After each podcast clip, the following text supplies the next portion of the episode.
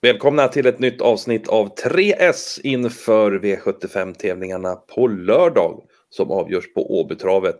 Och vi ska gå igenom tre rubriker i det här programmet som vanligt. Det är spiken, skrällen och chaset. Och med mig att gå igenom det här är Fredrik Lindman. Och ja, vad tycker du om den här omgången på lördag, Fredrik, lite allmänt? Uh, ja, men jag gillar ju den. Jag gillar ju Åby. Jag har alltid gillat de här banorna som kör open stretch framför allt. Eh, man har fått stångats en del mot folk, för det är inte alla som gillar open stretchbanor. Men jag gillar det. Jag tycker det tillför en dimension till i spelandet. Eh, och i loppen för den delen. Eh, och sen eh, är det fortfarande många som kommer nu från barfota till skor som också innebär att man får liksom en dimension till att tänka på och, bedöma. Så, så att, äh, men det är en rolig omgång. Det är bra hästar också såklart. Mm, kul! Ska vi se vad vi har att eh, bjuda på för eh, speldrag då i det här programmet också. Vi drar väl igång direkt då med spiken.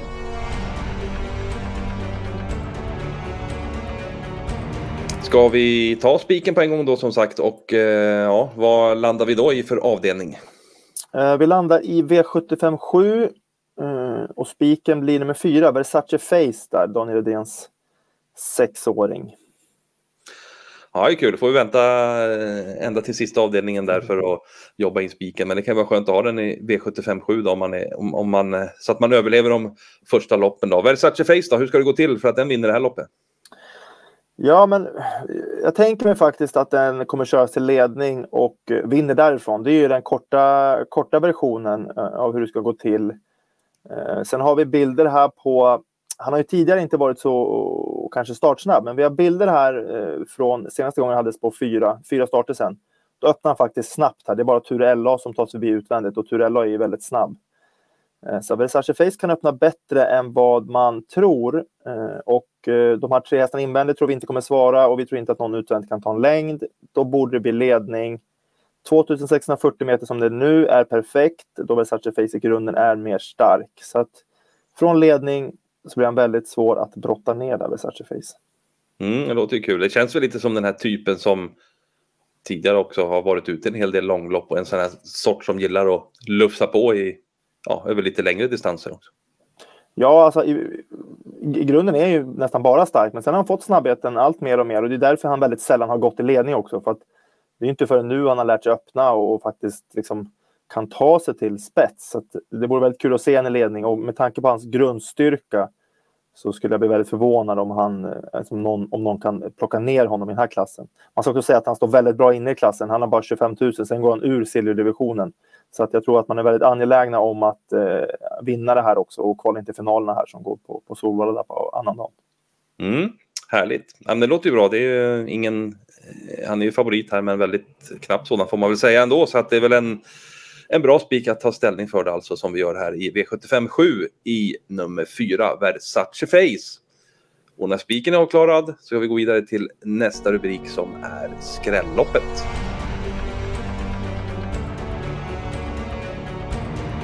Skrälloppet var det ja, då landar vi faktiskt som vi ofta gör i ett diamantstorförsök och det är V75 6 där eh, vi tror att det ska skrälla alltså. Och då ska ju inte den som är favorit, som just nu är nummer åtta, Sangria Pellini, vinna då. Och den är ganska klar favorit. Vad kan du berätta om det här stoet? Eh, jo, men det, hon verkar vara framförallt eh, väldigt snabb. Femårigt sto som har tävlat en del tidigare i, i Sverige för, för Ninchuk. Hon är väl lilla syster till Elmago Pellini bland annat också. Eh, som vi känner till väl. Men eh, Sangria Pellini har gjort ganska mycket starter i Sverige. Eh, varit bra för det mesta, stabil och sådär. Men hon är stor favorit nu och jag tycker faktiskt att hon fick en nivåhöjning när hon började tävla barfota runt om. Som hon gjorde bland annat senast när hon vann i Sverige och imponerade. Eh, och att hon nu återgår till skor ser jag faktiskt som ett eh, litet orosmoln där. Voltstart är också relativt nytt för henne där. Eh, och för kusken också som inte är så van, Mikael Nimczyk där. Mm. Ja, det finns ju lite, lite farhågor då i alla fall på den ja, ganska klara favoriten som hon är i nuläget. Och det är en häst till som är rätt så hårt betrodd. Sen är det ju faktiskt en hel del lågprocentare i loppet här så att eh, det låter ju inte fel att det här är skrälloppet. Vad bjuder du på för skräll då? Ja, jag vill lyfta fram, eh, till att börja med kan jag nämna den här nummer 9 Jurista där som, som gör debut för Marcus Schön, där, en väldigt grundkapabel fyraåring där. Eh, hon är inte så hårt spelad just nu, men jag antar att hon kommer trenda ganska hårt på lördag, så det är värt att hålla koll på henne där. Eh, Sen så vill jag lyfta fram nummer 10 Japiro Queen som eh, nog kanske kommer gå lite under radarn den här gången. Eh, har ju höjt sig en hel del hos André Eklund tycker jag. Visat att hon är ganska snabb i volten. Senast blev det galopp eh, för henne. Vi har bilder här från upploppet då. De kommer tillbaka från galoppen och sitter fast med allting sparat över hela upploppet. Såg jättefin ut. Så att eh, Japiro Queen här som har hittat nya växlar, ny regi eh, och satt fast senast är mycket bättre än vad man kan se här i raden. Så att, nej, varning för nummer 10 där, Japiro Queen.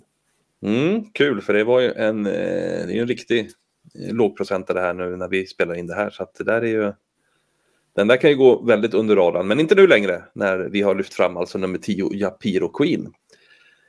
Eh, det var skrällopp i det, då har vi en rubrik kvar i programmet och den ska vi ta nu, det är ju chaset.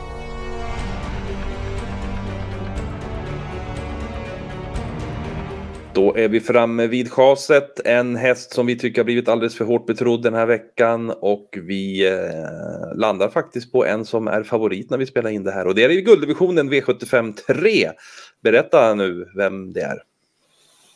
Ja, det kanske är väl magstarkt att chasa nummer 10 Four Guys Dream som har kommer tillbaka nu efter ett uppehåll och, och tagit två imponerande segrar. Han vann ju redan på 9-9 där eh, näst senast Charlottenlund i comebacken och sen på snyggt sätt senast också här i gulddivisionen på V75.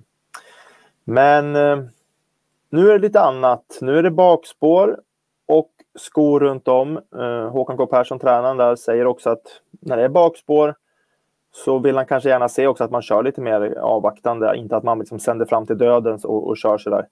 Eh, man får komma ihåg också att han är faktiskt finalklar, så han ska ut i finalerna om 16 dagar senare på Solvalla på annan dag. Och man kan ju tänka sig att det loppet kanske är ännu viktigare än det här. Och man kanske eh, därför med gott samvete kan köra lite mer försiktigt den här gången. Så att sammantaget skor och att man kanske kommer köra lite mer på chans nu gör att han är en väldigt sårbar favorit eh, och blir lite väl mycket spelad, tycker vi. Mm. Ja, men det var väl eh, fina argument för att eh, chasa den favoriten där 10 Four Guys Dream.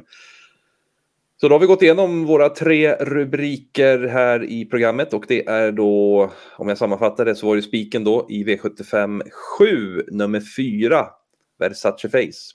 Och så var skrälloppet V75 6, där eh, både 9 Jurista och framförallt 10 Japiro Queen är två skrällar som man inte ska missa. Och sen chasar vi alltså i V75 3 nummer 10, Four Guys Dream. Så ja, det var det vi hade att gå igenom i det här programmet och eh, tänk också på att det är eh, live-rapportering då som vanligt på lördag inför V75-tävlingarna där på Travrondens spel från klockan 13.00.